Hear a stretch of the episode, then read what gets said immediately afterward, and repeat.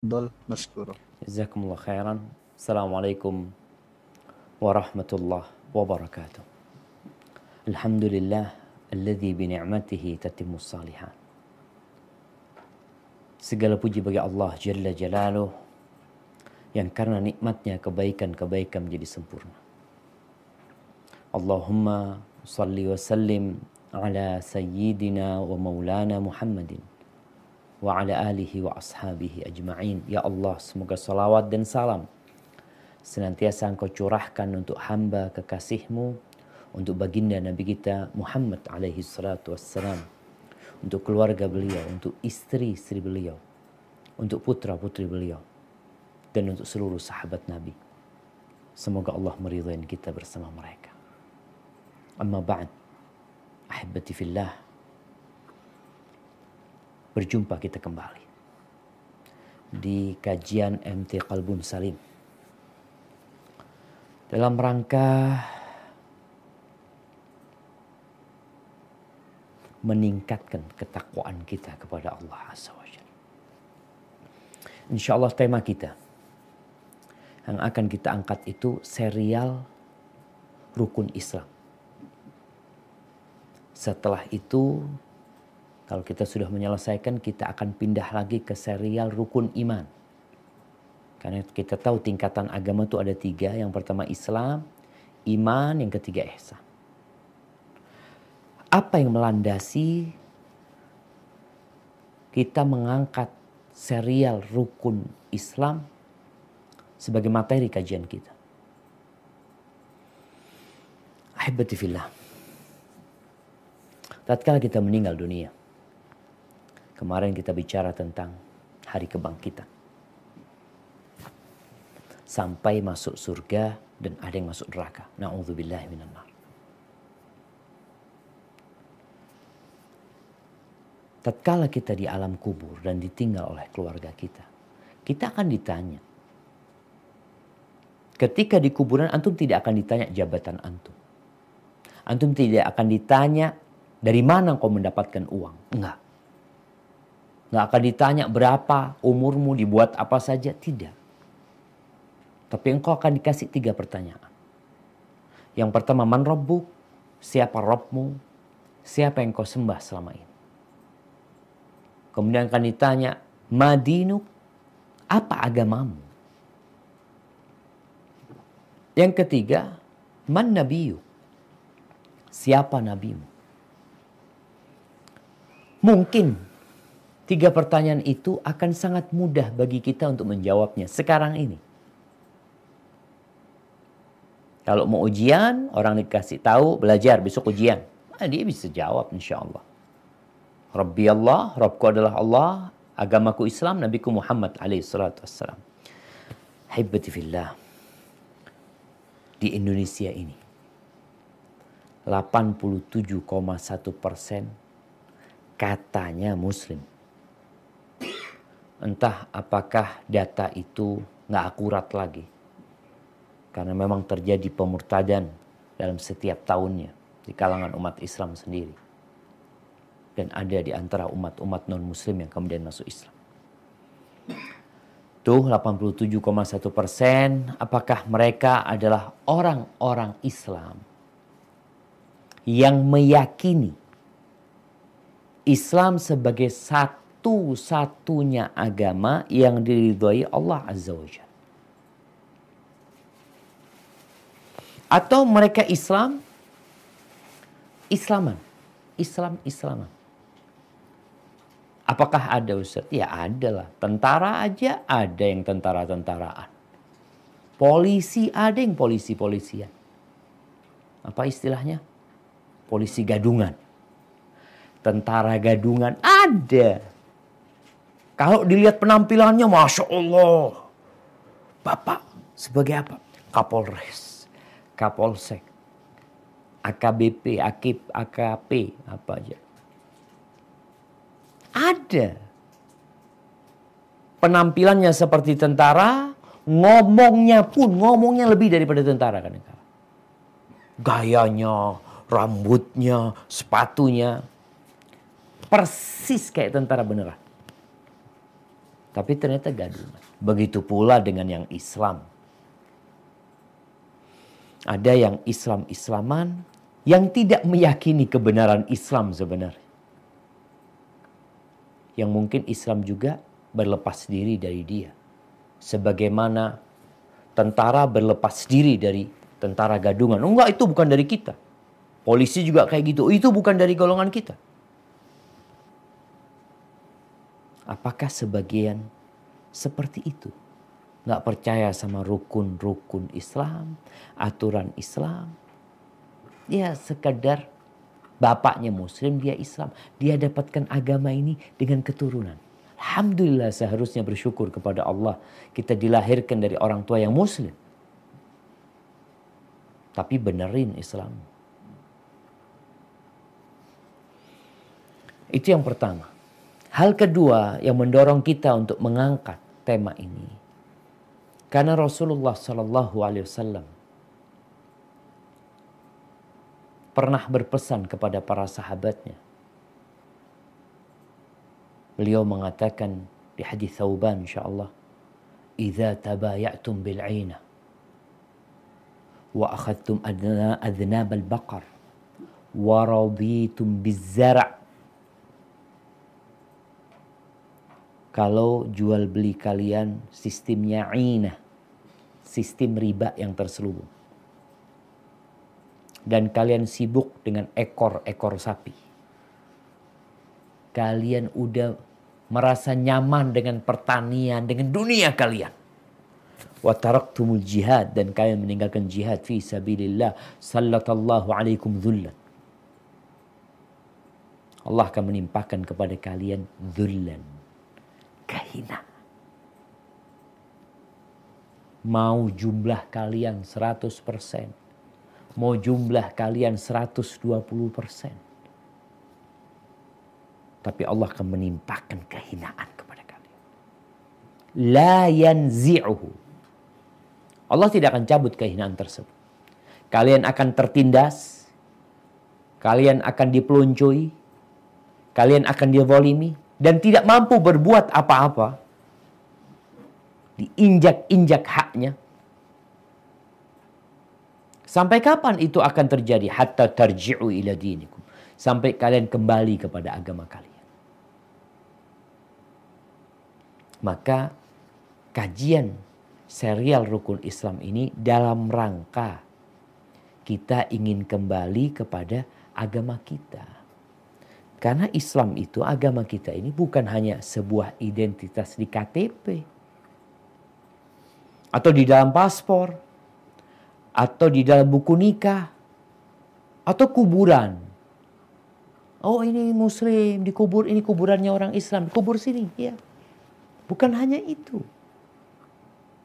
Berapa banyak orang-orang yang dikuburkan di kuburannya umat Islam tapi dia itu penghuni neraka. Antum pikir di Baki, di Baki, di kota Madinah itu ada pemakaman Baki di timur Masjid Nabawi. Itu ada pemakaman Baki. Di kuburan itu dikuburkan pentolan orang-orang munafikin yang mereka bohong Islam. Islam-Islaman tuh, Islam gadungan. Dikuburkan di sana bersama ribuan sahabat lainnya. Ikut satu kuburan, iya. Nggak kayak gitu Islam jemaah. Ahibatifillah.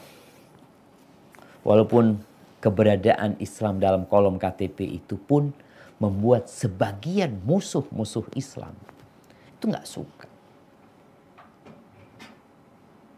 Yang Islam ini Bahkan mungkin berpikir untuk menghilangkan kolom agama itu.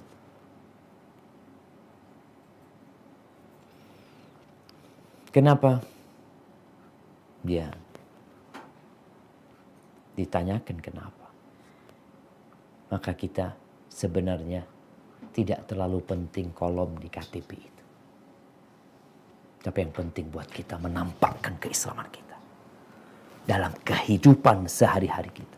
Orang kalau ngelihat antum, oh wong Islam. ini orang Islam. Ngelihat dari jauh Muslim. Berdagang sama dia, oh saya dagang sama umat Islam. Tahu saya. Hidupnya matinya sesuai dengan ajaran Islam. Ahibati fillah, ada anak baca sebuah tulisan, sebuah artikel, sebenarnya pertanyaan fatwa ya, minta fatwa kepada para ulama. Ini orang mendengar dalam salah satu channel televisi di Arab sana, bukan di Indonesia. Di Arab, Mas.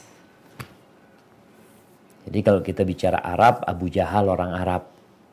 Nah, Abu Lahab orang Arab. Tapi Nabi kita Muhammad alaihissalam juga orang Arab. Namun Islam bukan hanya untuk orang Arab. Ini ada seorang tamu yang diundang dalam sebuah channel di televisi. Dia mengatakan bahwa pemahaman Islam itu punya lima pondasi. Ini pemahaman bikinan dinasti Abbasiyah kata dia. Kita ini ditipu besar-besaran. Ini muslim yang ngomong cuma. Artinya penampilannya muslim. Dia mengatakan rukun Islam itu adalah hasil karya dinasti Abbasiyah. Sebelum itu nggak ada. Gitu. Kemudian dia mengatakan kita ini benar-benar terjebak dalam jebakan yang besar dengan ungkapan Islam itu dibangun di lima pondasi. Oleh karena itu kita memisahkan diri dari alam.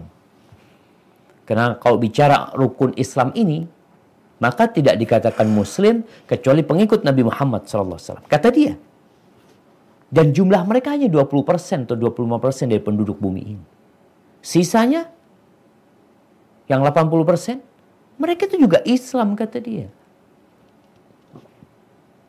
Mereka Islam. Mereka semua akan masuk surga dengan semua agamanya. Yang Yahudi, yang Masihi, yang Buddha, yang Hindu, yang Konghucu, apa saja keyakinannya bakal masuk surga. Subhanallah jemaah. Bayangin nih, ada orang ngaku Islam, ngomongnya kayak gitu. Yang orang-orang non-muslim aja nggak ngomong kayak gitu. Ini yang Islam.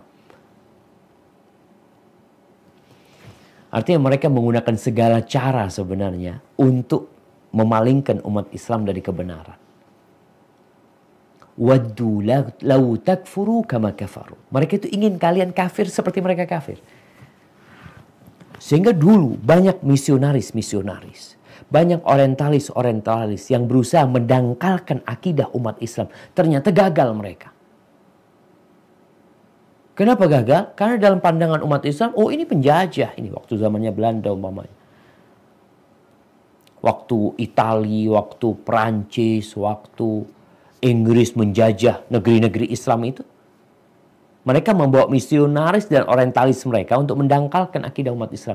Tapi sepertinya tidak terlalu berhasil. Akhirnya mereka mengkader orang-orang yang dari lahir Islam.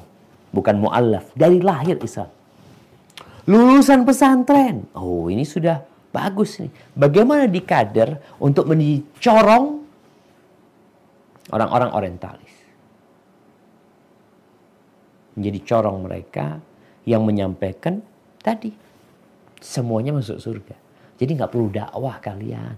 Nggak penting sholat. Nggak apa sholat. Nggak penting sholat. Yang penting sudah berbuat baik kepada manusia lainnya. Maka fillah ini ada sebuah pemalsuan fakta. Hoax tapi seakan-akan dengan data di di cover atau di backing sama media-media besar yang menginginkan pemahaman menyimpang ini tersebar.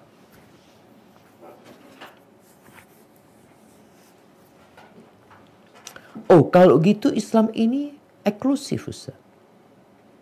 Kalau bicara sebagai sebuah keyakinan, iya.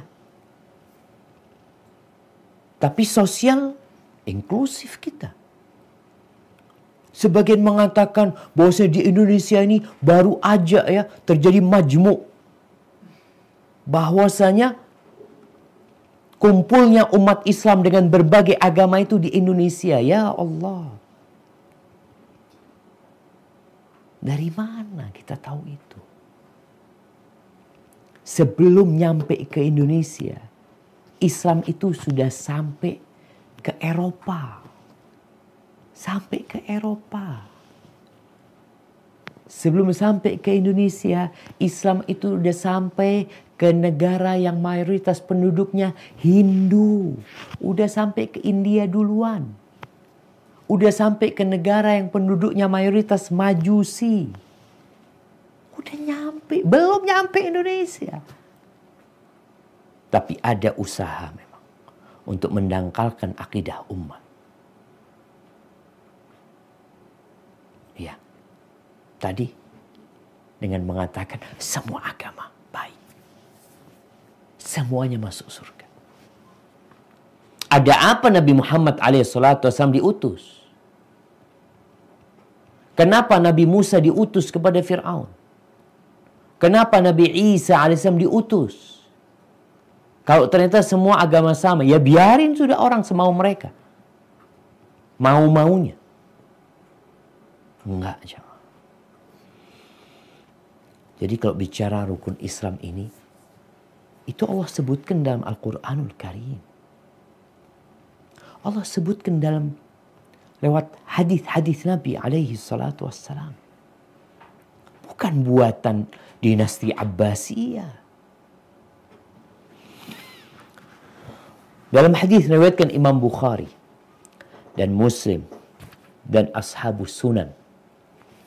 Sunan At-Tirmidzi Sunan Abi Dawud, Sunan Ibnu Majah, Sunan Nasai, dan yang lainnya. Hadis Abdullah bin Umar bin Khattab. Rasulullah sallallahu alaihi wasallam mengatakan buniyal Islamu ala khamsin. Ini kita bicara Islam. Ya kita bicara yang Islam. Islam tidak memaksa orang lain untuk masuk Islam, enggak. La ikraha fid din tidak ada pemaksaan dalam beragama itu dari dulu sudah. Atas dasar itulah umat Islam jadi umat yang toleransi. Tidak pernah memaksakan kehendak. Maka yang mau beriman silahkan. Yang mau beriman silahkan. Faman sya'afal yu'min. Waman sya'afal yakfur. Yang mau kafir, monggo kafir. Nggak butuh Allah Azza wa Jal dengan Islamnya penduduk bumi ini semua. Mau semuanya kafir ya silahkan. Faman syakara fa innama yashkuru li nafsih. Yang masuk Islam itu berbuat baik kepada dirinya sendiri. Yang kufur, ya sudah engkau membahayakan dirimu sendiri. Di dalam hadis ini Rasulullah SAW mengatakan Islam ini dibangun di atas lima pondasi. Yang pertama, syahadati an la ilaha illallah wa anna Muhammad Rasulullah. Wa anna Muhammadan Rasulullah. Bersaksi bahwa la ilaha illallah Muhammad Rasulullah. Hmm, kalau engkau mengatakan itu dan engkau sampaikan kepada kita, kami menerimamu sebagai saudara muslim ahlan wa sahlan. Yang kedua, wa iqamis salah. Menegakkan salat. Yang ketiga, wa ita'iz zakah. Menunaikan zakat. Kita akan bahas satu persatu nanti ini. Kalau bicara salat itu adalah hak Allah antara engkau sama Allah Azza wa Jal. Kalau bicara zakat ini kepedulian kepada umat. Hablum minan nas. Wal hajj. Melakukan ibadah haji. Wasawmi Ramadan. Dan puasa di bulan Ramadan. Atau haji yang di terakhir. Puasa di bulan Ramadan. Itu Islam. Tapi ada yang Islamnya cuma 30%. Alhamdulillah. Tapi ada yang Islamnya 90%. Bahkan sampai 100%. Gafa. Namun ada yang Islamnya gadungan. Pura-pura Islam. Ada juga. Kemudian hadis Jibril, hadis Umar bin Khattab radhiyallahu anhu. Ketika datang seorang ke dalam Masjid Nabawi. Tahu-tahu orang itu duduk di hadapan Rasul SAW. Ini singkat cerita. Nggak ada yang kenal satupun dari para sahabat. Lalu dia bertanya, Ya Muhammad akhbirni anil Islam. Wahai Muhammad, kabarkan kepada aku tentang Islam. Tidak ruwet jemaah. Jadi kita kalau ditanya Islam itu apa, ya Islam itu dibangun di atas lima pondasi. Agama yang sesuai dengan fitrah manusia, yang mudah dicerna oleh akal manusia, dan diterima oleh hati orang yang sehat. Apa itu Islam? Antashhada an la ilaha illallah wa anna Muhammadan Rasulullah. Islam itu engkau bersaksi bahwa la ilaha illallah dan Muhammad Rasulullah. Yang kedua, wa tuqimas salah. Wa tuqimas salah. Engkau mendirikan salat. Wa tu'tiyaz zakah. Engkau bayar zakat. Wa tasuma Ramadan. Engkau puasa di bulan Ramadan. Wa tahujjal bait dan berangkat haji kalau engkau mampu. Hadis ini diriwayatkan Imam Bukhari, Muslim dan yang lainnya. Kita akan mengkaji rukun Islam yang pertama. Yaitu la ilaha illallah syahadat la ilaha illallah Muhammad Rasulullah. Ini jadikan satu rukun. Di mana seorang dikatakan muslim kalau dia mengucapkan dengan lisannya, meyakini dengan hatinya. Tapi kalau dia mengucapkan dengan lisannya tapi tidak meyakini dengan hatinya, dia munafik, pura-pura Islam. Artinya zahir dan batinnya nggak sama. Terus kalau dia menyatakan Islam dengan hatinya tapi lisannya tidak mengatakan hal itu, maka kita hukumi dia orang kafir. Loh, padahal dia Islam, ya. Ada kejadian-kejadian di mana muslim menyembunyikan keislamannya dari keluarganya. Menyembunyikan keislamannya karena dia ditindas. Haibatifillah. Kalau antum lihat ya, bagaimana kondisi negeri-negeri yang umat Islam di sana minoritas ya atau penguasanya non muslim seperti yang terjadi di Andalusia di Spanyol pada waktu itu. Bagaimana umat Islam? Dibantai umat Islam. Yang akhirnya sebagian mereka menyembunyikan keislaman. Ketika di Mekah ada sahabat seperti Ammar bin Yasir yang lisannya mengucapkan kekafiran lisannya. Karena disiksa dan ditindas. Tapi hatinya wa qalbuhu mutmainnun bil iman. Hatinya penuh dengan keimanan. Tapi kalau ada orang yang dia menyembunyikan keislamannya dan kita nggak pernah tahu kalau dia orang Islam ketika dia meninggal dunia, ya sudah hukum dunianya dia bergabung dengan keluarga mereka yang non muslim. Ahibati fillah. Apa makna asyhadu an la ilaha illallah? Apa artinya? Ya, kalau bahasa Indonesia, aku bersaksi tiada Tuhan kecuali Allah Azza wa. Maknanya adalah engkau beriman. Engkau yakin dengan penuh ketundukan. Dengan penuh ketenangan. Dengan lisanmu, meyakini dengan hati, mengucapkan dengan lisan, alla ma'buda bihaqqin illallah bahwa tiada Tuhan yang berhak disembah kecuali Allah. Ingat tiada Tuhan yang berhak, tiada Tuhan yang benar kecuali Allah Azza Kenapa? Karena banyak Tuhan-Tuhan di muka bumi ini. Kita melihat manusia mempertuhankan binatang, mempertuhankan manusia, mempertuhankan benda, mempertuhankan batu, mempertuhankan banyak hal dalam kehidupan ini. Kita nih jamaah seharusnya manusia ini di era ya di abad 21 ya kalau Masehi ya, di abad 15 Hijriah ini seharusnya udah benar akidahnya lah. Engkau belajar ilmu ilmu yang bagus, teknologi yang canggih, tapi dalam urusan keimanan, masa menundukkan diri kepada binatang? Patung disembah. Berhala diagungkan. Lautan dikasih sesajen. Ini sudah abad 21 gitu loh. Seharusnya udah bener. Cuma nggak belajar. Tapi ya hidayah juga lah jamaah. Man yahdillah fala mudillalah.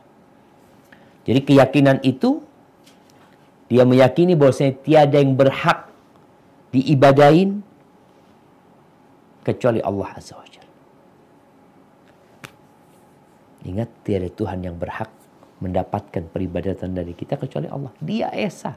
Tiada sekutu baginya. Allah berfirman di surat Al-Hajj ayat 62 surat Al-Hajj ayat 62. Nah, silahkan dibaca.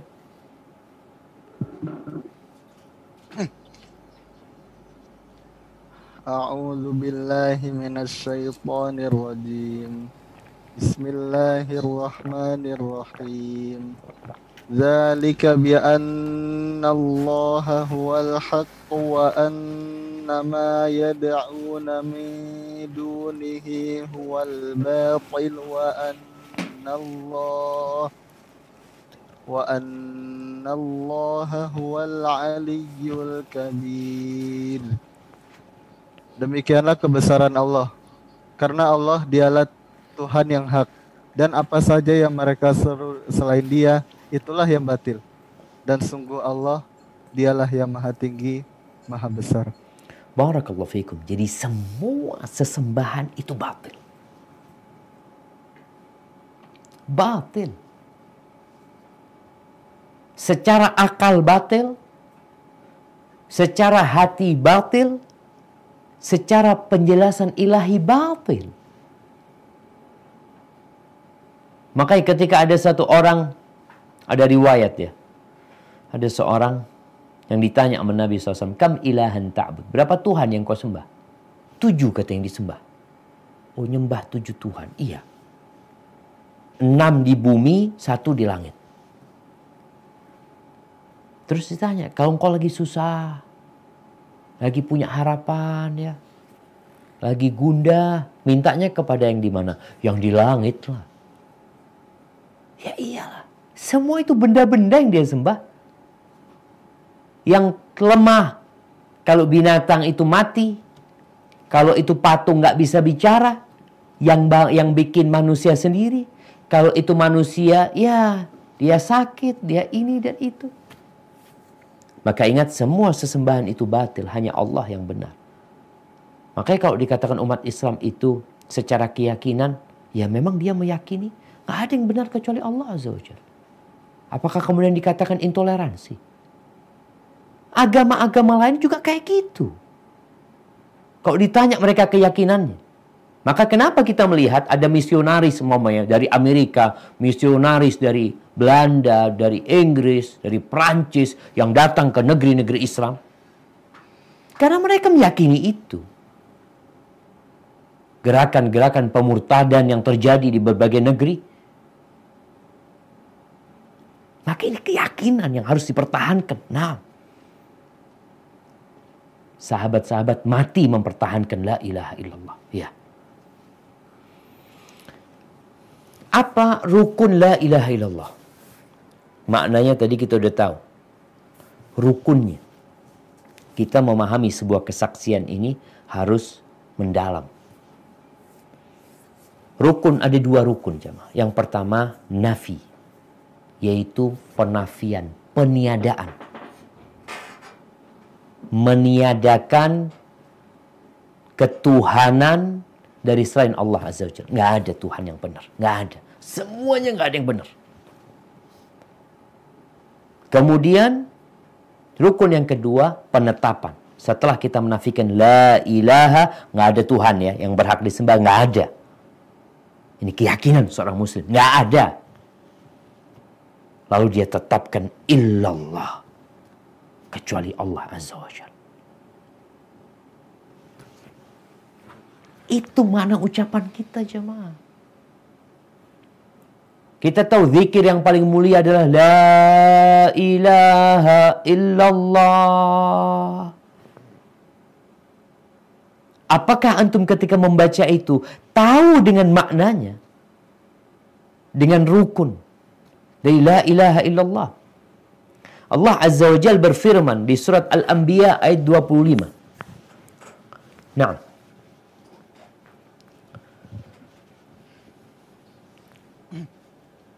وما أرسلنا من قبلك من رسول إلا نوحي إليه إلا نوحي إليه أنه لا إله إلا أنا فاعبدون dan, dan kami tidak mengutus seorang rasul pun sebelum kau Muhammad melainkan kami wahyukan kepadanya bahwa tidak ada Tuhan yang berhak disembah kecuali aku.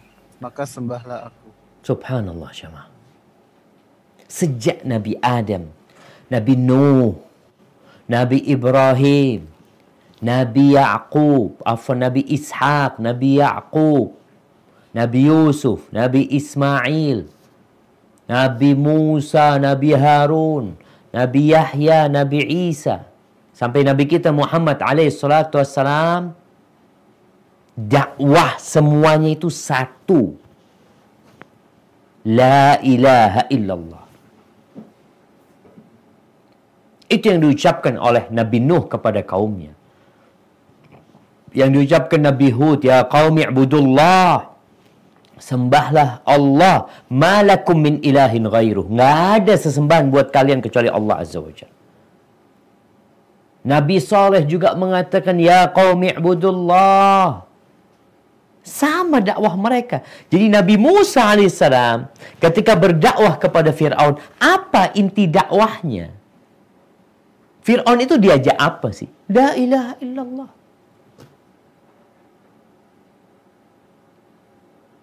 Nabi Isa alaihissalam yang dipertuhankan oleh sebagian manusia yang dikatakan anak Tuhan. Dakwahnya beliau itu apa? Beliau ngajak manusia untuk menyembah Nabi Isa. Tidak. Dan Nabi kita Muhammad alaihissalatu melanjutkan dakwah para nabi. Beliau bukan nabi baru bikin bikinan. Dulu nggak ada nabi. Oh sekarang muncul nabi. Beliau itu melanjutkan dan menutup kenabian. La nabiya ba'di. Dakwahnya apa? Ya sama. La ilaha illallah. Di masa Nabi SAW, Islam nih, kalau bicara Islam yang dengan Nabi Muhammad SAW, itu adanya setelah Nasoro. Yahudi dulu, terus Nasoro, kemudian Islam, terus ditutup. Udah nggak ada lagi Nabi setelah Nabi SAW. Bagaimana Nabi berdakwah? kepada orang-orang Nasara. Allah menyebutkan di surat Ali Imran ayat 64. Nah. Silahkan dibaca. قل يا أهل الكتاب تعالوا إلى كلمة سواء بيننا وبينكم ألا نعبد إلا الله ألا نعبد إلا الله ولا نشرك به شيئا ولا يتخذ بعضنا بعضا أربابا من دون الله. فإن تولوا فقولوا اشهدوا بأننا مسلمون. Katakanlah Muhammad, wahai ahli kitab, marilah kita menuju pada satu kalimat pegangan yang sama antara kami dan kamu, bahwa kita tidak menyembah selain Allah, dan kita tidak mempersekutukannya dengan sesuatu apa pun, dan bahwa kita tidak menjadikan satu sama yang lain Tuhan-Tuhan selain Allah. Jika mereka berpaling, maka katakanlah pada mereka, saksikanlah bahwa kami adalah orang Muslim. Allah. Ini ajakan Nabi Muhammad SAW kepada orang-orang ahlul kitab. Tolong, tolong yang muslim, baca. Supaya antum tahu. Kira-kira Nabi berdakwah seperti apa. Jangan pernah mengklaim engkau lebih baik dari Nabi SAW dalam dakwahmu. Nabi mengajak, ya ahlul kitab. Wahai ahli kitab, tahu kemari kalian, kita bikin kesepakatan. Kita bikin kesepakatan, kita bikin MOU. Ketetapan antara kita sama kalian. Apa? Allah na'budu illallah. La ilaha illallah. Udahlah. Jangan beribadah kecuali kepada Allah. Jangan menyekutukan Allah dengan sesuatu apa pun. Jangan sebagian kita dijadikan Tuhan oleh sebagian. Udah janganlah. Cukup la ilaha illallah. Diajak tuh orang-orang Yahudi dan Nasrani. Di mana tinggalnya orang-orang Yahudi? Di kota Madinah. Kumpul sama Nabi SAW. Tetanggaan. Tetangganya Yahudi Nabi SAW. Apakah engkau berpikir Islam ini baru saja berinteraksi dengan non-muslim? Sehingga kita nggak punya contoh bagaimana cara bersosial dengan non-muslim. Kalau hidup di bawah satu negara, satu bangsa. Kemudian kita berpikir, oh kita menjadi percontohan. Contoh yang sudah dulu, yang udah ada. Kenapa? Karena yang diangkat jadi nabi itu Muhammad Sallallahu Alaihi Wasallam. Beliau dari Arab, bukan dari Indonesia. Bukan dari Melayu, bukan dari suku mana-mana Allah yang mengangkatnya. Dan Allah tahu siapa yang paling pantas menjadi utusan. Diajak. Kalau nggak mau, katakan kami yang Islam. Bi anda muslimun. Kami muslim. Kalian enggak. Artinya kalian menyelisihin dakwah nabi-nabi yang terdahulu. Maka kita beriman. Umat Islam ini Masya Allah. Kalau bicara toleransi umat Islam. Umat Islam beriman sama Nabi Isa. Kalau bicara non-muslim, orang Nasr mau toleransi. Coba engkau toleransi sama kita. Beriman juga. Kalau Nabi Muhammad adalah utusan Allah Azza wa. Nggak mau mereka. Kita beriman beliau utusan Allah. Dan kita tidak mengatakan beliau anak Tuhan. Beliau manusia biasa. Sama Yahudi toleransi kita. Gimana toleransi? Kita beriman dengan Nabi Musa. Kita beriman sama Nabi Harun. Kita beriman umat Islam seluruh dunia ini beriman dengan Nabi Zakaria. Dengan Nabi Daud, Nabi Sulaiman, Nabi-Nabinya orang Yahudi semuanya kita beriman. Apa nggak toleransi umat Islam jemaah? Cuma diajak, mari kalian. Tinggalkan penyimpangan itu. Terus kita bikin ketetapan bersama. Kita bikin kesepakatan. Apa kesepakatannya? An la na'budu illallah. Kita tidak beribadah kecuali kepada Allah. Udahlah, dunia ini kita kembangkan bersama. Bagaimana kita mengelola dunia? Kita ingin hidup canggih, damai, iya. Secara keyakinan, udah la ilaha illallah. Tapi sampai hari ini masih banyak yang tersesat dan menyembah selain Allah Azza wa fillah. Seorang yang mengucapkan la ilaha illallah ada beberapa hal yang perlu diperhatikan. Mungkin dalam bahasa para ulama disebut syarat la ilaha illallah. Karena bukan hanya mengatakan la ilaha illallah, udah saat Anda udah mengatakan la ilaha illallah, Anda juga sudah Uh, memenuhi rukunnya. Rukun yang pertama adalah nafi, meniadakan segala ketuhanan yang ada di muka bumi ini, lalu kita menetapkan hanya untuk Allah semata. Taib, di antara syarat la ilaha illallah yang pertama adalah al-ilmu. Ilmu. Artinya antum itu faham dengan makna la ilaha illallah. Dengan dua rukunnya antum faham. Karena kalau ada orang mengatakan la ilaha illallah nggak tahu sama la ilaha illallah, ya dia nggak bisa dikatakan muslim. Burung beo pun mengatakan la ilaha illallah. Burung beo iya. Kalau ada orang mengatakan asyhadu an la ilaha illallah, asyhadu an la ilaha illallah, asyhadu an la ilaha illallah, ditanya, artinya apa, Mas? Nggak tahu Pak Ustadz ya. Cuma saya ikut-ikut orang-orang ngomong la ilaha illallah, ya saya ikut. Apakah diterima kesaksian dia? Enggak. Kesaksian itu harus berdasarkan ilmu. Makanya Allah Azza wa Jal berfirman di surat Muhammad ayat 19. Nah, silakan dibaca. فاعلم أنه لا إله إلا الله واستغفر لذنبك وللمؤمنين والمؤمنات والله يعلم متقلبكم ومثواكم Maka ketahuilah bahwa tidak ada Tuhan yang patut disembah selain Allah.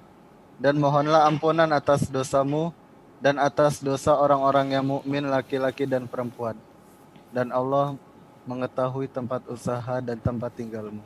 Nah, fa'lam, ketahuilah. Harus ada ilmunya. Maka di surat lainnya nanti mungkin bisa dilihat di surat Zukhruf ayat 86 Allah mengatakan illa man syahida bil haqqi wa hum ya'lamun. Yang diterima itu hanya orang yang memberikan kesaksian dengan la ilaha illallah dalam kondisi berilmu, tahu sama maknanya. Dalam hadis Uthman bin Affan radhiyallahu anhu, Rasulullah sallallahu alaihi wasallam mengatakan man mata wa huwa ya'lam annahu la ilaha illallah dakhala al-jannah. Barang siapa yang mati dalam kondisi dia mengetahui dengan la ilaha illallah masuk surga. Jadi bukan sekedar mengucapkan dengan lisannya. Makanya kadang kala jamaah ada orang nih mau masuk mau menikah. Ada non muslim mau nikah sama seorang muslimah.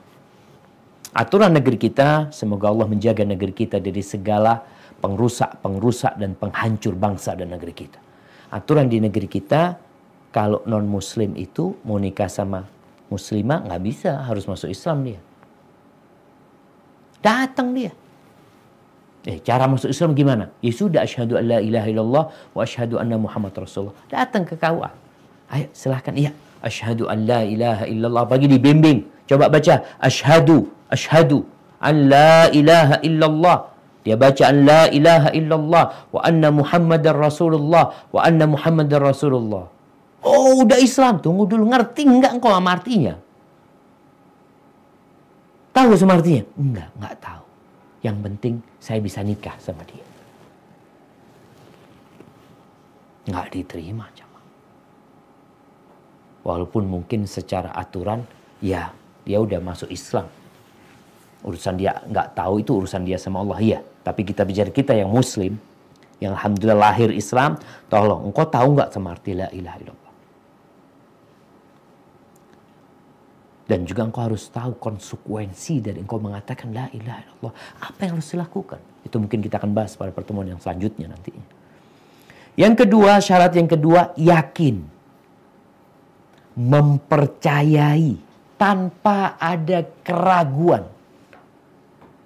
Percaya tanpa ada keraguan dengan la ilaha illallah. Karena ada orang mengatakan la ilaha illallah, tahu sama artinya, yakin tapi nggak full. Ada keraguan. Nggak diterima.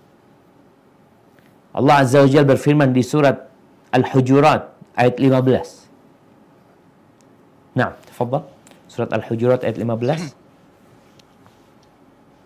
إنما المؤمنون الذين آمنوا بالله ورسوله ثم لم يرتابوا ثم لم يرتابوا وجاهدوا بأموالهم وأنفسهم في سبيل الله أولئك هم الصادقون Sesungguhnya orang-orang mukmin yang sebenarnya adalah mereka yang beriman pada Allah dan Rasulnya.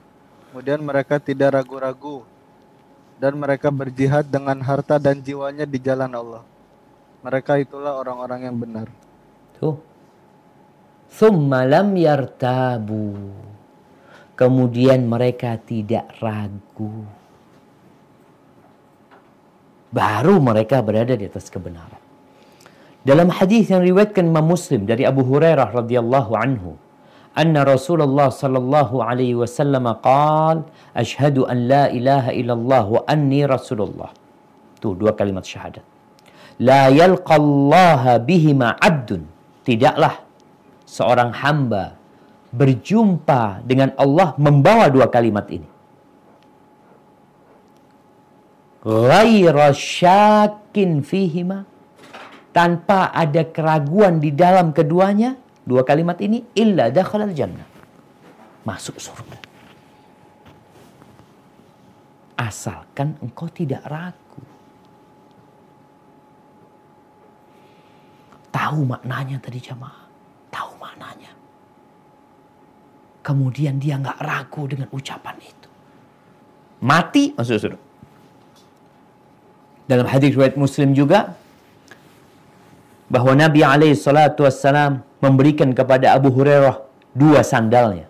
Bawa dua sandal Nabi Abu Hurairah ini. Apa kata Nabi berpesan kepada Abu Hurairah radhiyallahu anhum?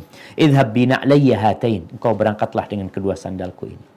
Faman laqita min wara'i hadzal ha'id. Siapa pun yang engkau jumpai dari balik tembok ini, yashhadu an la ilaha illallah.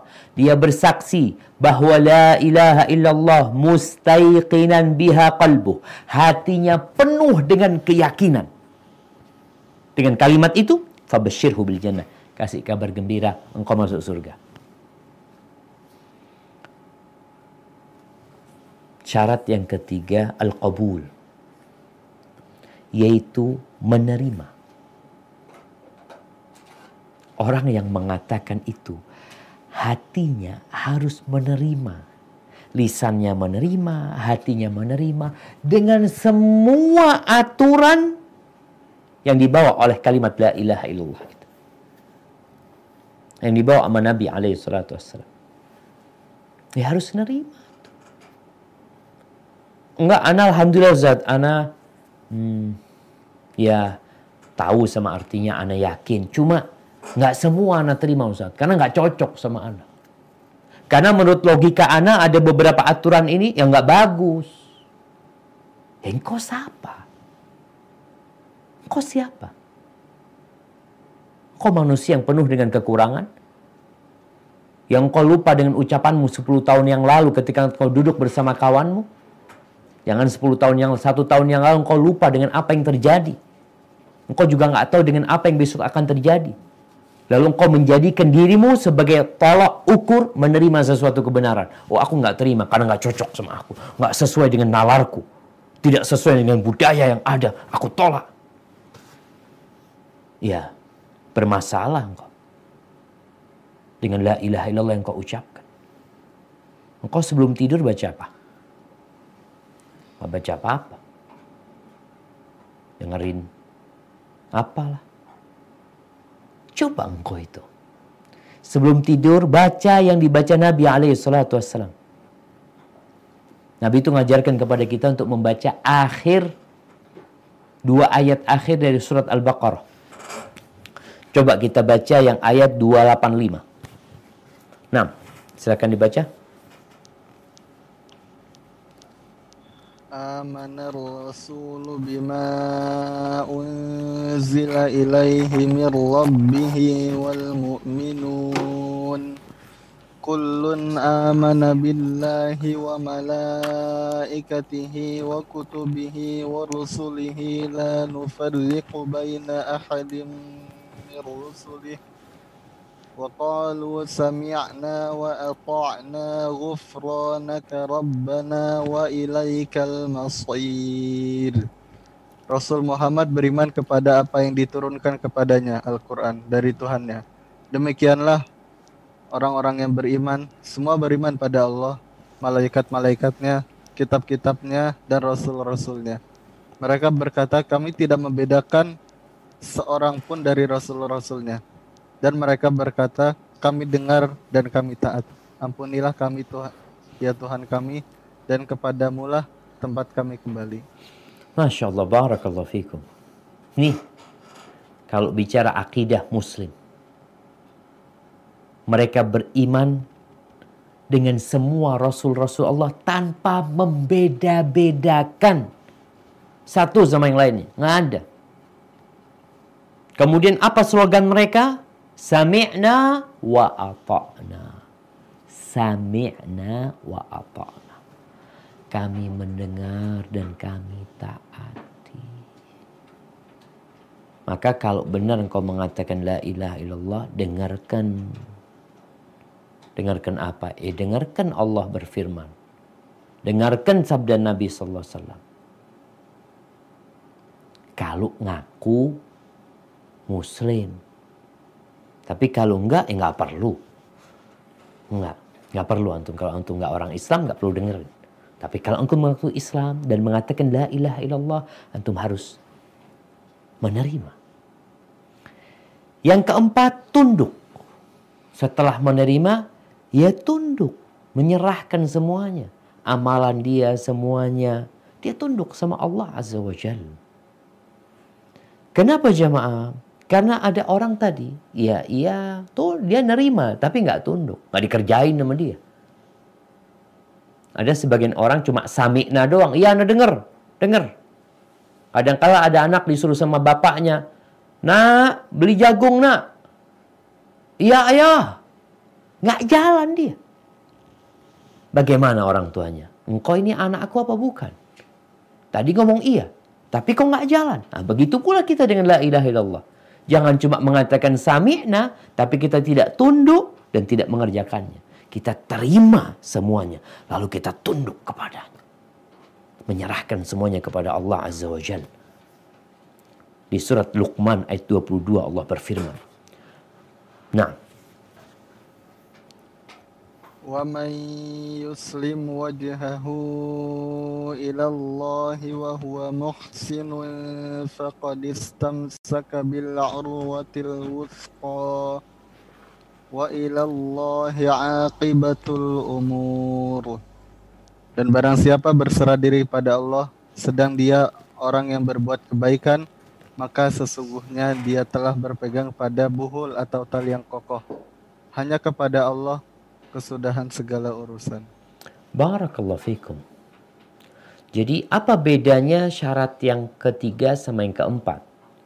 Kalau yang ketiga itu tadi menerima, menerima itu dengan hati dan lisan. Hatinya menerima, lisannya mengatakan sami'na wa ato'na. Ini masih dengan lisan. Adapun al-inqiyat syarat yang keempat ini berserah diri dengan raganya.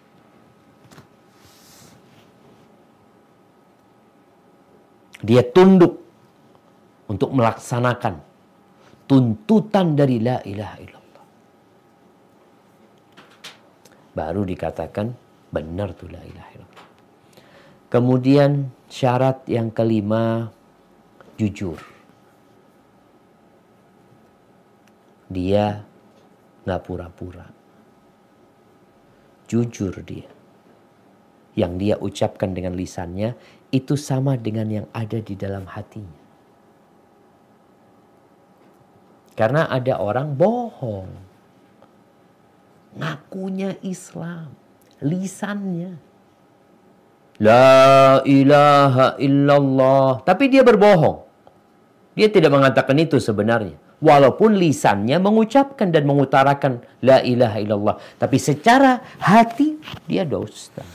Dia berbohong sebenarnya. Seperti orang-orang munafikin. Tadi kita singgung bahwasanya di kota Medina ada sekelompok manusia yang orangnya kayak orang paling Islam ya Kalau ngomongnya Allahu Akbar ya. Belain Islam, demi Islam, untuk Islam, untuk Islam yang lebih baik, apalah macam-macam lah. Ngomongnya. Tapi kelakuannya tidak sesuai dengan ucapan. Mereka dikenal dengan kelompok orang-orang munafikin. Bahkan Allah ketika berbincang orang kafir, nggak terlalu banyak Allah berbincang orang kafir. Ngomong tentang orang munafik, uh ini musuh dalam selimut. Berada di tubuh umat Islam. Dan mereka ada ketika umat Islam mayoritas. Ketika umat Islam mayoritas, jumlah mereka banyak, terpaksa nih orang ini pura-pura masuk Islam. Mereka berbondong-bondong mengatakan La ilaha illallah. Tapi dusta. Di surat Al-Baqarah. Ayat 8 sampai 10. Coba kita renungkan ayat-ayat ini. Nah, tfadhal. ومن الناس من يقول آمنا بالله وباليوم الآخر وما هم بمؤمنين. يخادعون الله والذين آمنوا وما يخدعون إلا أنفسهم وما يشعرون. في قلوبهم مرض فزادهم الله مرضا ولهم عذاب أليم بما كانوا يكذبون بارك الله فيكم Dan di antara manusia ada yang berkata, kami beriman kepada Allah dan hari akhir. Padahal sesungguhnya mereka itu bukanlah orang-orang yang beriman. Mereka menipu Allah dan orang-orang yang beriman. Padahal mereka hanyalah menipu diri sendiri tanpa mereka sadari. Di dalam hati mereka ada penyakit, lalu Allah menambah penyakitnya itu. Dan mereka mendapat azab yang pedih karena mereka berdosa. Barakallahu fikum. Berarti ada orang-orang yang mengatakan kita beriman, kami orang Islam. Kakek kami orang Islam. Mbah kami, buyut kami orang Islam. Tapi itu bukan jaminan engkau muslim dengan sebenarnya. Kalau ternyata itu hanya di lisanmu. Engkau dusta, nggak jujur.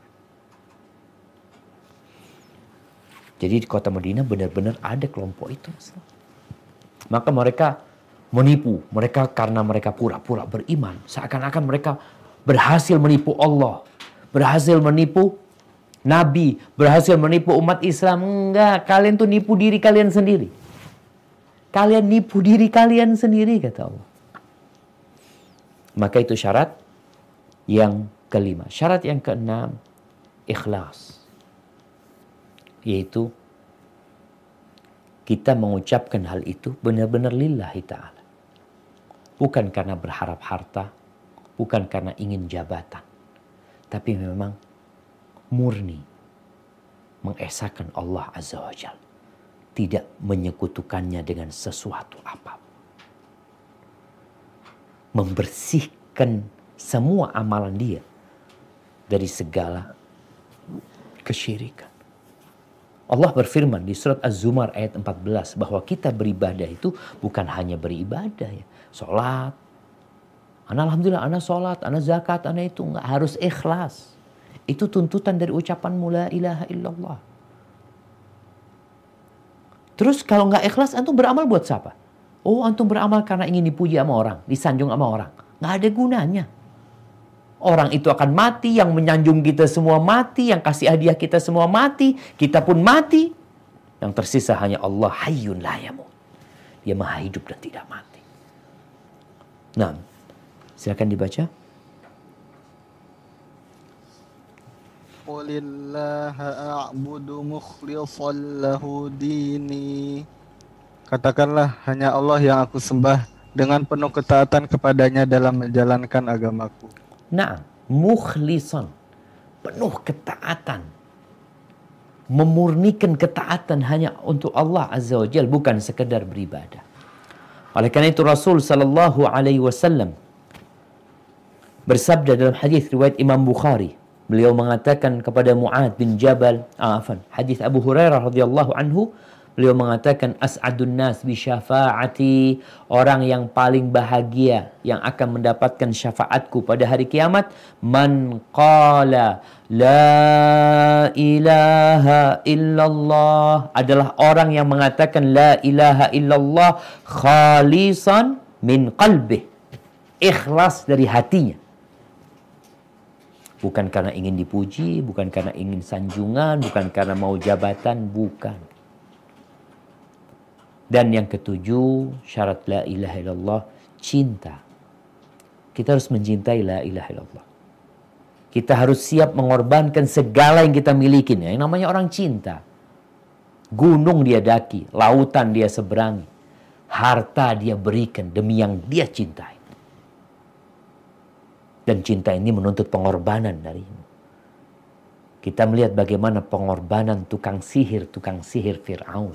Ketika dia mengatakan la ilaha illallah oleh Fir'aun itu disalib di pohon-pohon kurma dan sebelum disalib dipotong kakinya secara silang dengan tangan. Tapi buat mereka mereka lebih mencintai la ilaha illallah daripada jabatan dan kedudukan yang ditawarkan oleh Firaun. Maka butuh pengorbanan. Kita harus mencintai kalimat la ilaha illallah lebih daripada kita mencintai orang tua kita.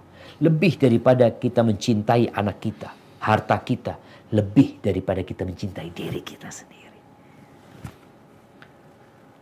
Tanpa cinta, hampa hidup kita.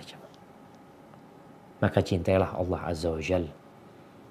Orang yang ridha Allah sebagai Rabbnya, Nabi Muhammad sebagai utusan Allah SWT, Islam sebagai agamanya, dia akan merasakan indahnya, manisnya Islam ini jemaah.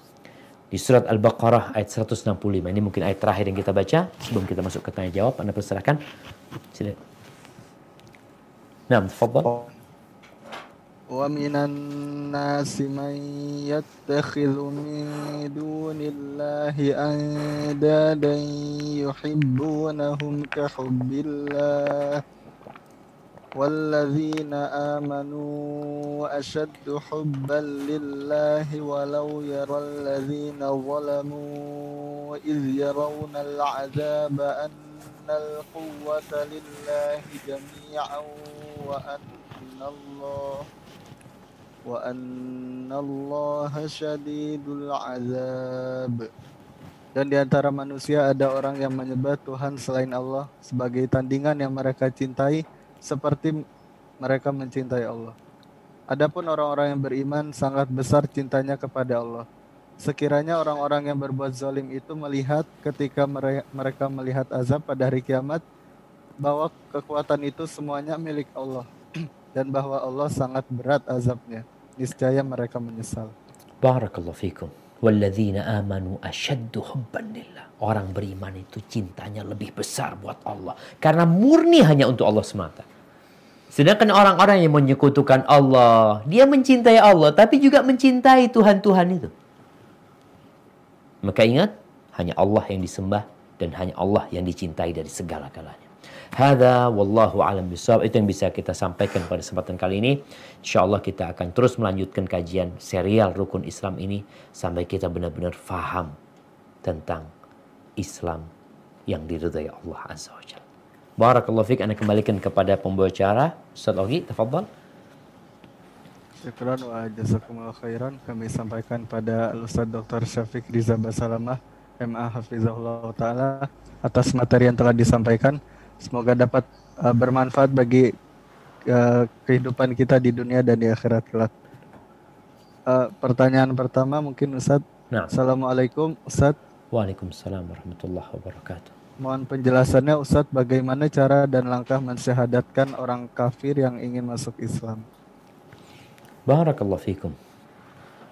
Ya, kalau bicara orang kafir yang hendak masuk Islam.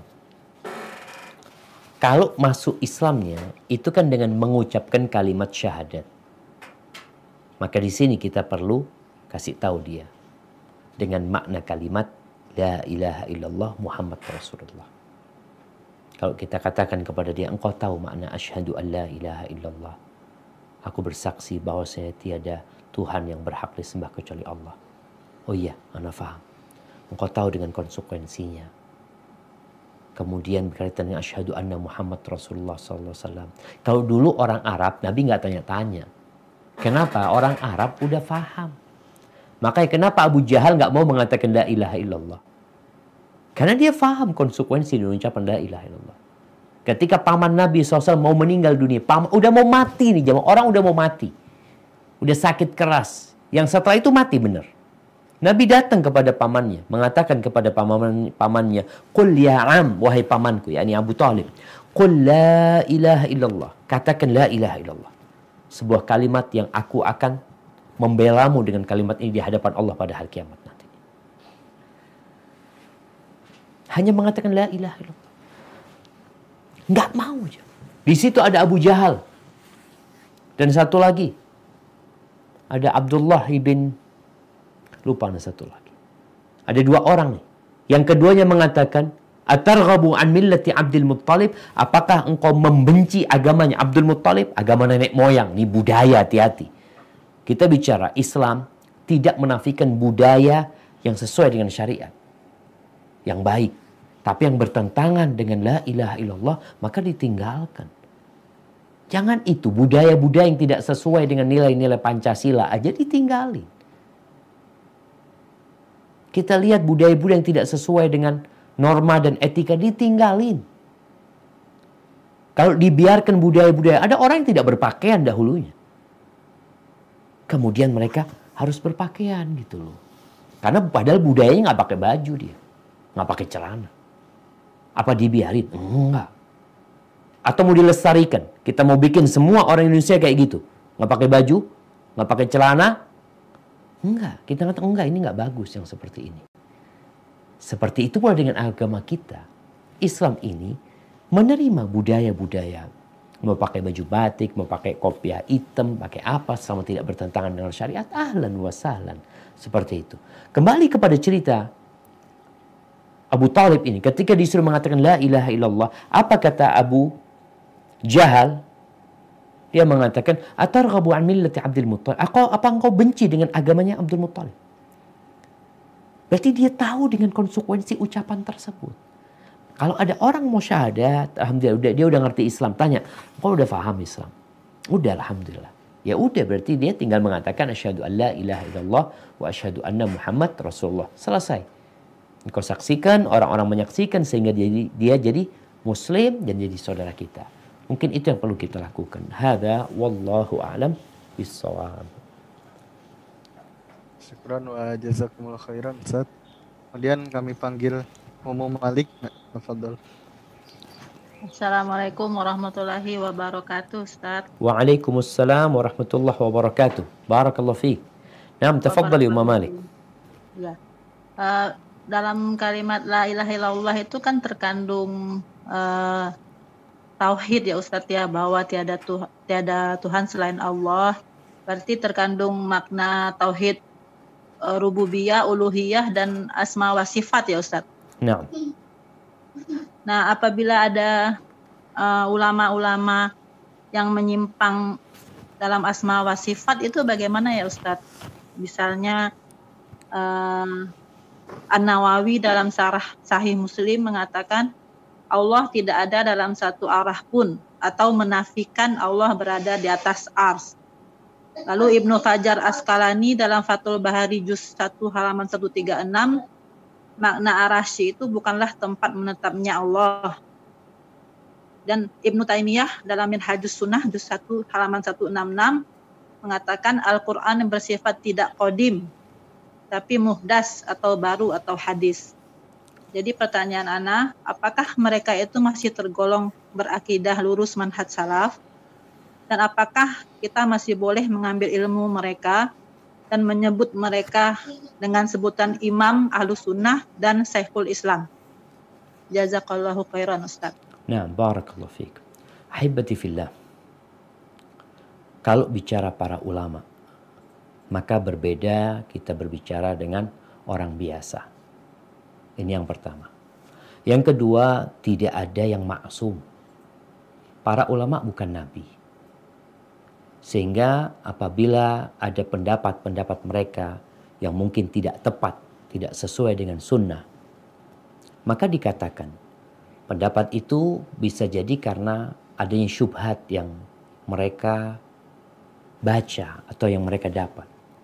Sehingga dalam satu pendapat itu mereka meyakini seperti tadi yang disebutkan oleh Ummu Malik. Maka di sini para ulama memberikan uzur kepada mereka apabila pendapat mereka memang bertentangan dengan pendapat ahlu sunnah wal jamaah dalam bab tersebut, tapi dalam bab-bab lainnya sebenarnya dia adalah imam ahli sunnah wal jamaah, maka mereka dimaafkan. Yang seperti itu. Berarti mengambil ilmu dari mereka, belajar dari mereka, menyebut mereka imam. Mereka memang imam. Mereka imam. Tapi ingat, bukan berarti tatkala mereka disebut imam, mereka itu maksum. Disebut mereka itu syekhul Islam bukan berarti mereka maksum. Kullu bani Adam khata. Semuanya melakukan kesalahan gitu loh. Jadi ustadz-ustadz yang ada pun, yang mereka dikatakan imam ahli sunnah wal jamaah, mereka pun melakukan kesalahan. Ada pendapat-pendapat mungkin dalam bab. Karena kalau bicara akidah ini ada akidah yang secara umum, ada akidah yang detail.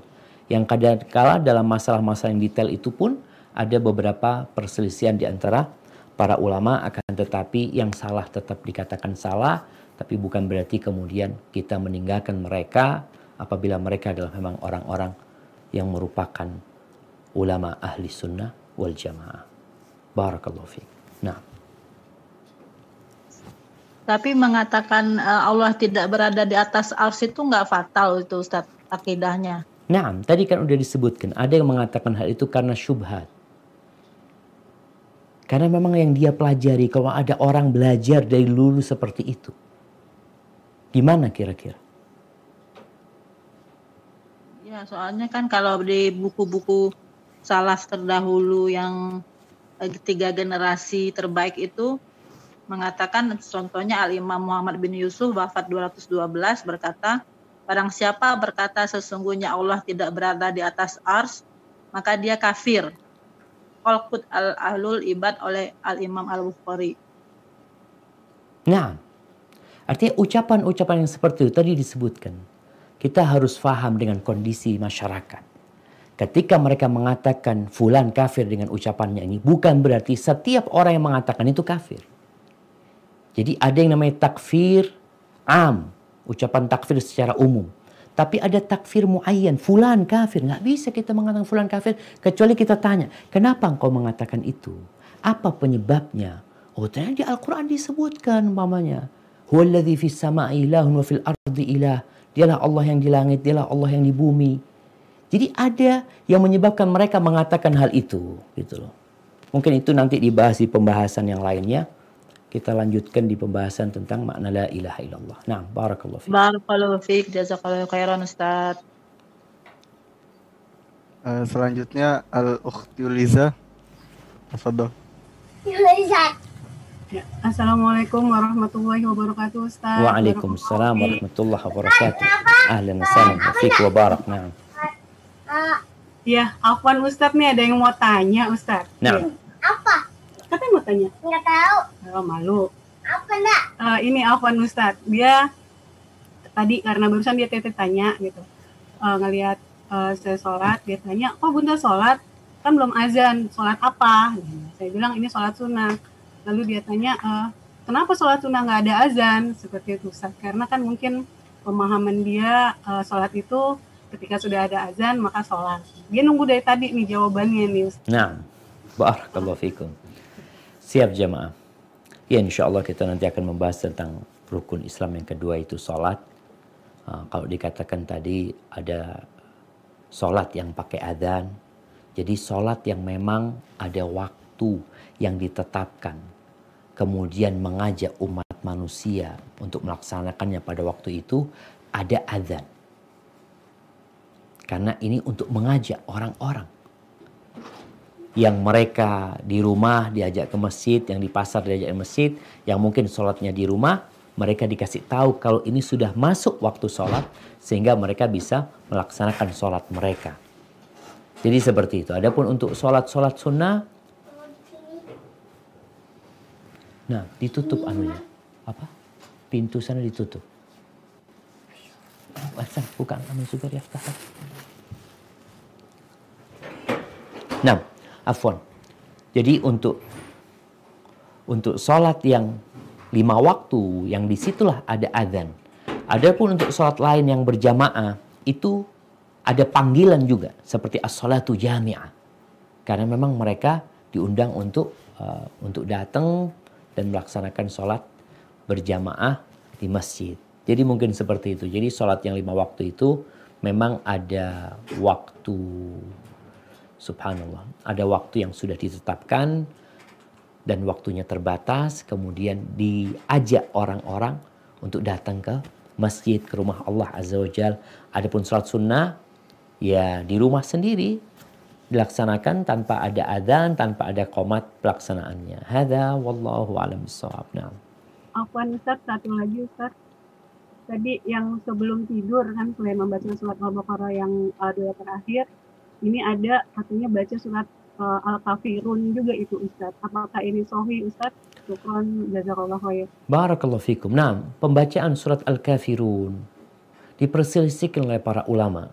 Dibaca sebelum sebelum tidur. Yang sahih yang dibaca adalah ayat kursi, Qul huwallahu ahad, Qul a'udzu birabbil falaq, Qul a'udzu nas, kemudian dua ayat di akhir surat uh, Al-Baqarah, kemudian di malam hari membaca surat Tabarak.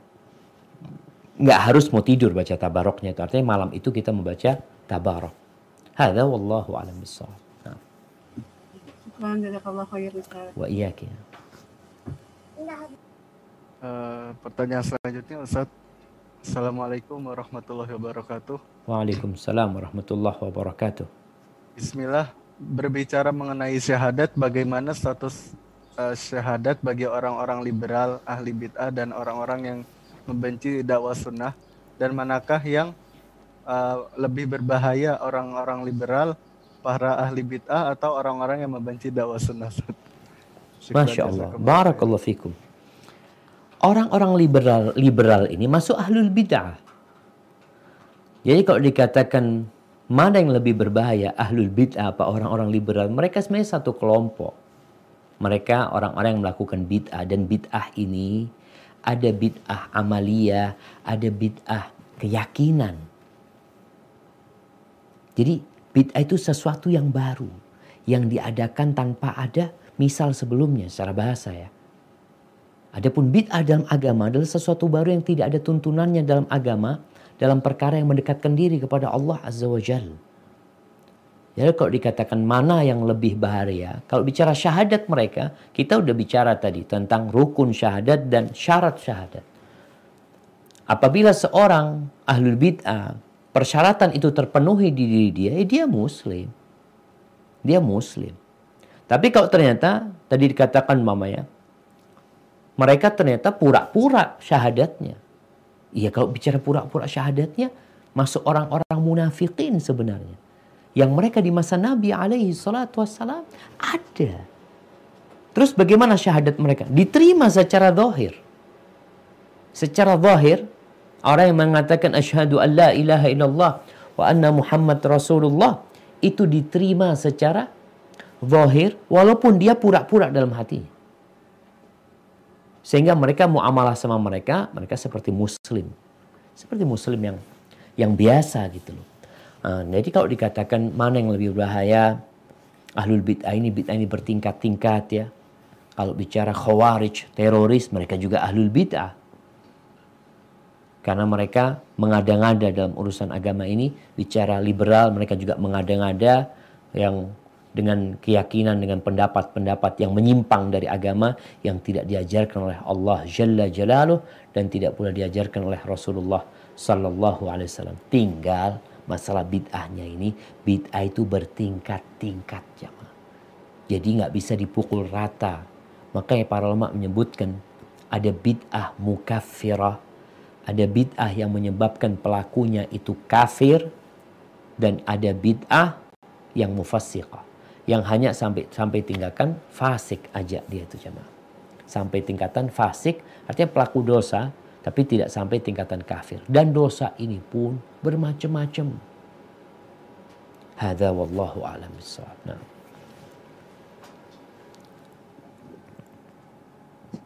Jazakumullah khairan. Ustaz, kemudian pertanyaan selanjutnya. Assalamualaikum. Waalaikumsalam warahmatullahi wabarakatuh. Saya Mukhlis A. Uh, Mukhtar asal ND Flores NTT. Mau bertanya bagaimana kami yang uh, minoritas memilih pemimpin yang beda agama di tempat tinggal kami, sedangkan di calon pemimpin kami biasa dicalonkan sebagai wakil saja. Ketika kami dihadapkan antara dua pilihan, yang ada yang ada muslim dan yang tidak sama sekali. Sedangkan yang ada muslim visi misi tidak baik. Terima kasih. Assalamualaikum warahmatullahi wabarakatuh. Barakallahu fikum. Nah, Jamal, kalau bicara visi misi para para calon apa? Calon pemimpin ini, mereka kan buat visi misi itu pada dasarnya untuk menggait orang-orang agar mereka memilih mereka. Walaupun nanti setelah mereka jadi, ya kadangkala visi misi itu ya tidak sesuai dengan yang mereka inginkan. Jadi kalau bicara mana yang harus dipilih, pilih yang paling mending bahasanya. Yang paling mending yang mana? Untuk kebaikan nusa, bangsa, dan agama. Kalau bicara tadi yang ada muslimnya, dan kita tahu dia muslim beneran insya Allah, cuma mungkin perlu dia dekat sama orang-orang Islam sehingga kita bisa menyampaikan pesan-pesan yang baik nantinya, bisa memberikan nasihat kepada dia. Maka insya Allah mereka lah yang dipilih daripada yang semuanya non-muslim gitu loh. Dan ini hal yang wajar, kita memilih yang seagama. Masa dipilih yang non-muslim? Maka tolong diperhatikan uh, berkaitan dengan kondisi yang ada, kadangkala semuanya sama aja. Ada yang seperti itu. Mau yang jadi A, mau yang jadi B, tetap aja. Tapi enggak, ini lebih mending Ustaz. Maka tadi anak rasa ketika di situ ada muslim, yang insya Allah keluarganya juga muslim, yang kita bisa komunikasi sama mereka, mereka mungkin juga uh, bisa memberikan nasihat kepada uh, pemimpinnya atau wakilnya tadi yang menjabat. Semoga Allah memberikan yang terbaik buat umat Islam. Lalu jamaah. Kama takunu yuwalla alaikum. Ini ucapan para ulama yang mengatakan sebagaimana kalian, seperti itulah pemimpin kalian. Kalau ingin pemimpin yang baik, maka jadilah orang baik. Tebarkan kebaikan di masyarakat kita. Jadilah orang yang amanah nih setiap pribadi yang ada di Indonesia. Kalau engkau ingin pemimpin yang baik, hendaklah engkau memperbaiki diri. Amanah. Engkau menjadi seorang suami yang amanah. Seorang istri yang amanah. Menjadi pegawai yang amanah. Menjadi pembantu yang amanah. Nanti lagi menjadi amanah, amanah, amanah. Terus pucuknya nanti amanah. Tapi kalau dari akarnya udah nggak amanah, nanti naik nggak amanah, pucuknya ya sulit. Karena memang kondisinya orang-orang nggak amanah gitu loh. Jadi berusaha kita untuk memperbaiki diri kita, memperbaiki masyarakat kita. Apalagi pemimpin itu dipanggil dari masyarakat. Maka kalau masyarakatnya baik, insya Allah pemimpinnya baik. Kalau masyarakatnya kurang baik, ya pemimpinnya, ya gimana mau cari yang terbaik antum? Hada wallahu a'lam bissawab. Nah. Uh, ada pertanyaan lagi Ustaz, uh, nyambung sebenarnya. Ya.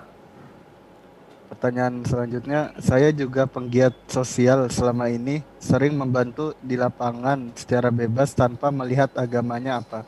Apakah saya harus prioritaskan yang muslim dahulu sebelum yang lain? Terima kasih. Barakallahu fikum. Yang pertama kalau bicara penggiat sosial di masyarakat orang-orang non-muslim mereka juga mengadakan kegiatan sosial. Mereka mengadakan baksos ya. Tapi juga sebagian mereka mengadakan bakti sosial itu dengan misi. Maka ini penting buat antum yang jadi penggiat sosial. Apa misi antum? Apakah misi antum sekedar memberikan bantuan kepada mereka untuk urusan makanan, sandang pangan papan, atau antum juga ingin menyelamatkan mereka dari api neraka? Maka kalau tujuan antum ini, Masya Allah, ingin menyelamatkan saudara-saudara kita dari api neraka. Yang muslim yang nggak sholat kita bantu bagaimana dia jadi sholat. Yang non muslim kita bantu bagaimana kemudian dia jadi beriman. Dia tahu bahwasanya agama Islam ini peduli dengan semua orang. Hanya yang ada aturannya pembagian zakat. Zakat itu hanya diberikan kepada muslim. Tapi kalau sodako, donasi yang macam-macam silahkan kita bantu orang-orang non-muslim. Kalau kita bicara prioritaskan ya kita lihat. Kalau di depan kita ada dua orang, yang satu muslim, Alhamdulillah insya Allah imanannya kuat nih. Yang satu non muslim, kita bantu semoga dia masuk Islam. Yang non muslim yang kita kasih. Rasulullah Wasallam pernah berbagi harta ketika di kota Mekah yang baru masuk Islam, bahkan yang belum masuk Islam dikasih sama Nabi SAW. Yang udah Islam duluan, sahabat-sahabat Ansor malah nggak dikasih. Yang sahabat-sahabat Ansor dikasih cinta, yang ini dikasih harta karena memang orangnya suka harta. Mudah-mudahan dengan dikasih dia jadi lembut hatinya menerima kebenaran agama Islam ini. Sehingga di lapangan itu kadangkala ada beberapa kelompok itu tatkala mereka memberikan bakti sosial, ya tokoh agama mereka ada di depan. Supaya kelihatan ini bantuan dari kelompok mereka. Itu terjadi. Mereka membawa simbol-simbol mereka. Maka seorang muslim ketika berbagi, tunjukkan antum Islam. Antum Islam. Yang antum bantu non muslim, nggak apa-apa kita bantu non muslim. Tapi tunjukkan antum muslim. Dengan harapan dia tahu Islam ini tidak seperti yang diberitakan. Tidak seperti yang disampaikan di media-media. Islam itu indah. Hada wallahu a'lam Assalamualaikum Ustaz. Uh, pertanyaan selanjutnya ada titipan ini Ustaz. Barakallahu fiik. Pertanyaannya, saya mempunyai dua anak, dua-duanya berumur satu tahun. Mereka saya angkat dari dua pasangan suami istri yang berbeda. Untuk keperluan administrasi, sekolah, dan lain-lain diperlukan surat adopsi da e, dari pengadilan, tapi saya tidak sanggup biayanya. Apakah boleh saya dan suami membuat akte untuk anak-anak angkat saya menyatakan bahwa kami orang tua kandungnya, kemudian uh, tetapi kami tahu hukum anak angkat, jadi kami bikin surat ini untuk keperluan admin di dunia aja Ustaz. Kami karena kami tidak mampu. Subhanallah jemaah ya. Gimana kalau nggak mampu? Jadi terpaksa jadi yang pertama kalau tetap dengan nama orang tuanya kalau memang tadi sekedar surat adopsi tolong namanya tetap nama yang ada nasab orang tuanya. Umpamanya Syafiq. Bapaknya Syafiq siapa namanya Riza. Terus kakeknya Hasan. Ya udah, namanya Syafiq Riza Hasan. Sehingga kita kasih tahu dia nanti bapakmu itu namanya Riza. Kita itu sekedar memang untuk surat menyurat saja. Jadi ini berkaitan dengan urusan yang memang tadi kok dikatakan biayanya terlalu besar dan dia tidak mampu, semoga babnya bab darurat nantinya. Kalau memang nggak ada cara lain kecuali dengan cara seperti itu. Tapi nasihat anak tetap nama anak itu ada nama bapak dan kakeknya kalau bisa. Dua anak itu dikasih yang fulan anaknya fulan, surat anak fulan. Kalau ini surat, ya surat sekedar surat aja untuk ngurus sekolah. Kemudian juga nanti ketika anak itu sudah mulai ngerti, kasih tahu bapak dia siapa. Supaya dia tahu berbakti dengan ibu dan bapaknya yang sebenarnya. Katakan kita ini mengasuh kalian berdua. Maka semoga dengan cara seperti itu anak-anak tetap tahu dengan nasabnya, mereka tetap berbagi sama orang tuanya, proses sekolah atau administrasi bisa berjalan dengan lancar. Hada wallahu alam bisawab. Nah, mungkin kita masuk ke pertanyaan terakhir, Ogi, sebelum ke kuis. Uh, mungkin pertanyaan terakhir dari ini Ustaz. Ah Oka Wijaya Putra. Fadlul. Um, Bismillah, Assalamualaikum warahmatullahi wabarakatuh Ustaz. Waalaikumsalam warahmatullahi wabarakatuh. Ahlan wa sahlan, barakallahu fiqh Ahlan bika Ustaz. Wafik barakallah. Uh, Jazakallah khair Ustaz untuk punya pada pagi hari ini Ustaz. Izin bertanya Ustaz. Uh, kita ketahui bahwa kita harus uh, beragama berdasarkan uh, Al-Quran dan hadis uh, sesuai dengan pandangan uh, para sahabat Ustadz. Nah, uh, kemudian di masyarakat sendiri Ustadz, uh, terkadang kalau berbeda dengan kebiasaan ataupun uh, seperti yang sudah uh, tertanam di mindset uh, mereka, itu bagaimana Ustadz untuk membuktikan bahwa uh, manhaj salaf ini memang berdasarkan pemahaman para sahabat atau memang dilakukan para sahabat Ustadz karena kalau berbicara di kitab mungkin atau dalil kadang mereka juga memiliki dalil. Kadang orang awam ini kan agak susah Ustadz dijelaskan ya. bahwa itu memang berdasarkan para sahabat Ustadz mungkin bisa uh, dimohon jawabannya Ustadz Masya Allah. Barakallah fiqh Barakallah fiqh ya buat akhaka ya jamaah. Jadi memang kadangkala apa yang di kitab itu kita belum bisa mengaplikasikannya dalam masyarakat. Gimana caranya nyampaikan ini? Ya kalau bicara dalil itu, berarti nanti akan ada dialog antara kita dengan orang yang kita dakwain. Kan ada orang yang nggak paham, ya kita kasih tahu, oh ngerti, makasih banyak. Ada orang yang kurang semangat, kita kasih motivasi jadi semangat. Ada orang yang ngeyel, enggak, Anda benar, antum salah gitu loh. Nah, gimana caranya dengan orang seperti ini? Kalau kita bicara dialog, maka menghadirkan data dan data. Menghadirkan dalil dengan dalil. Kalau mereka tadi mengatakan mereka juga punya dalil. Tapi sulit kita melakukan itu. Dan kayaknya berat. Apa yang harus kita lakukan? Kita ajak masyarakat. Yang pertama, akh oka ini harus jadi orang baik di masyarakat. Tunjukkan antum setelah ngerti sunnah, antum jadi baik. Antum jadi peduli dengan sesama Jangan bicara manusia, kepada binatang pun antum lebih cinta. Kepada lingkungan pun antum lebih baik. Sampah, dahan-dahan yang mengganggu. Antum berusaha untuk berusaha menjadikan lingkungan itu lingkungan sesuai dengan sunnah. Gimana sih Nabi ngajarin kita menjaga lingkungan, menjaga masyarakat, berhubungan dengan masyarakat. Itu antum tunjukkan kepada masyarakat. Kadang-kala ada ritual-ritual mereka yang kita nggak ikut. Karena enggak afwan, anda enggak sesuai sama sunnah, anda minta maaf ya, anda enggak datang. Soalnya anda enggak ngadain yang kayak gitu-gitu mamanya. Tapi antum harus ngadain yang sunnah. Ketika ada orang meninggal dunia, kita enggak ikut acara ritual mereka. Mungkin tiga hari, tujuh hari, empat puluh hari. Tapi tunjukkan yang sunnah kayak apa kita sama tetangga kita. Ketika yang meninggal dunia, kita kirim makanan selama tiga hari buat mereka umpamanya. Makanan yang enak-enak. Ketika nggak ada apa-apa, kita punya rezeki, kita berbagi sama tetangga-tetangga kita.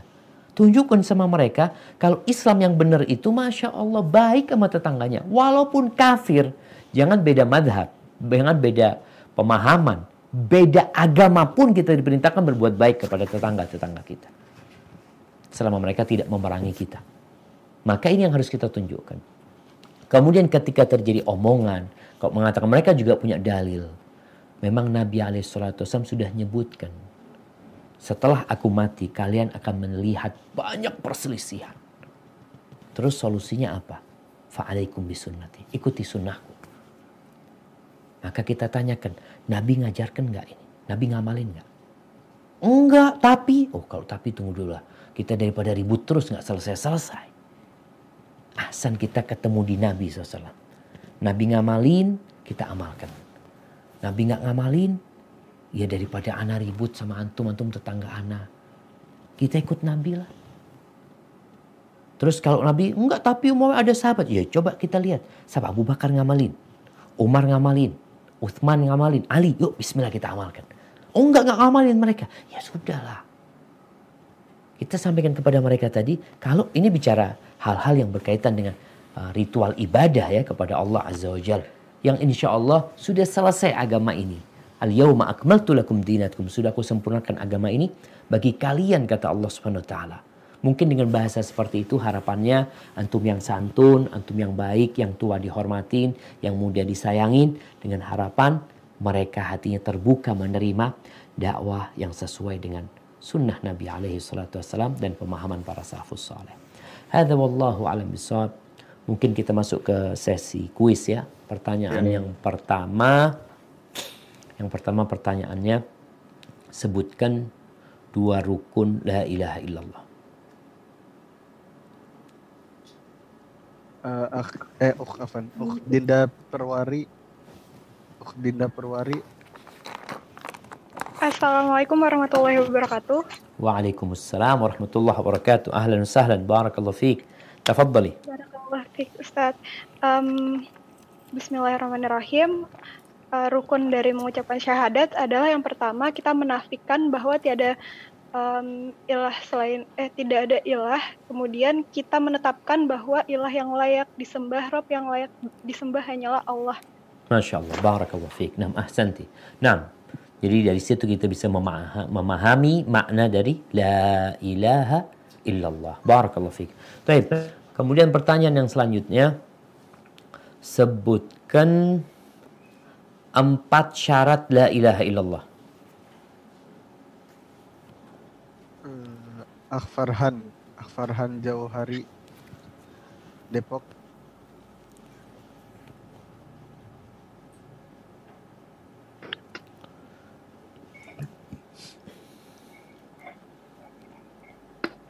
Fadol Ya Assalamualaikum warahmatullahi Waalaikumsalam warahmatullahi wabarakatuh تفضل فرحان untuk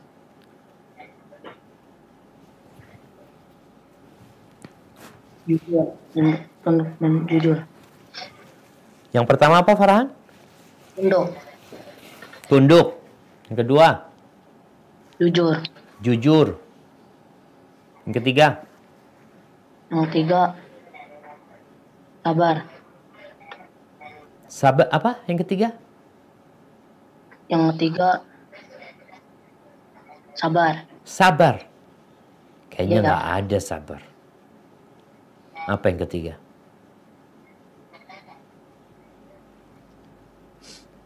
Tunduk, jujur, ilmu. Ilmu. Iya. Kemudian setelah ilmu,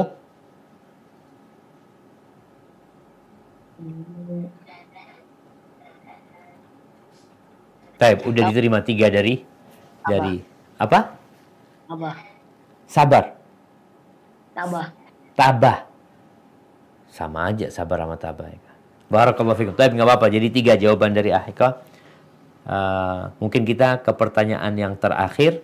Kalau tadi disebutkan tiga, kita minta dilengkapin sekarang. Berarti tujuh syarat la ilaha illallah. Barakallahu fiik. Nah, siapa yang mau jawab? Rinaldi eh, Um Habibah Afan Um Iya, Habibah. Assalamualaikum warahmatullahi wabarakatuh. Waalaikumsalam warahmatullahi wabarakatuh. Fiik Ustaz. Wa fiik wa barak. Nah, tafadhali. Eh, selanjutnya Ustaz ya. Lanjutkan nggak apa-apa dari awal nggak apa-apa dimulai dari awal. Oh, iya, oh, iya. Ilmu. Ilmu. Yakin. Yakin, Menerima. menerima, Tunduk. tunduk, Jujur. jujur, Ikhlas cinta. ikhlas dan cinta. Masya Allah, barakallahu fiik. Jamaah rahmakumullah, jadi harapannya uh, teman-teman yang ikut kajian ini agar lebih serius lagi. Dicatat. Sehingga poin-poinnya dicatat. Setelah itu kita lihat. Apakah sudah terpenuhi semuanya di diri kita? Atau ternyata ada yang belum. Kalau belum, kita amalkan. Setelah itu kita bisa menyampaikan kepada kerabat kita. Insya Allah semua yang ada di majelis ini yang mungkin jumlahnya cuma 100 orang punya kawan. Kalau dia punya kawan satu, dia sampaikan kepada kawannya tentang rukun la ilaha illallah dan syarat la ilaha illallah. 200 orang yang tahu akhirnya. Kalau kawan antum juga menyampaikan kepada kawan laginya, 100 orang lagi tahu. Maka tolong ilmu ini jangan hanya sampai di diri antum. Makanya dicatat serius dan disampaikan. Kuis-kuis ini sebenarnya untuk memotivasi antum supaya serius dengerin dan dicatat. Hadza wallahu a'lam bishawab. Ana kembalikan ke Ustaz Ogi. Jazakumullah khair.